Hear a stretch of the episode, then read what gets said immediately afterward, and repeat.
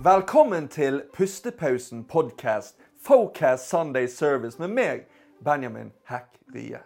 Og nå for tiden så er det jo så veldig mye snakk om legalisering av cannabis og rusreformer og alt dette her. Men når skal vi legalisere det at det er greit for menn å snakke om følelsene sine? Er du en som overtenker, så tenker jeg å gi deg et par tips. Og det er det at vi har jo tusen tanker i hodet vårt hele tiden. Og som oftest så fokuserer vi mest på de tingene vi ikke kan gjøre noe med. Så hvis du er en som overtenker, en som sliter mye med negative og depressive tanker, ta et ark, en penn, skriv ned alle tingene som plager deg.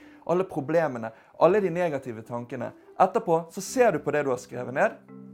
Så sitter du en strek under alle de tingene som er ute av din kontroll. F.eks. det kan være helse. Du, si du har fått kreft. Det er ikke mye du kan gjøre med det. Der må du rett og slett bare bruke tiden til hjelp.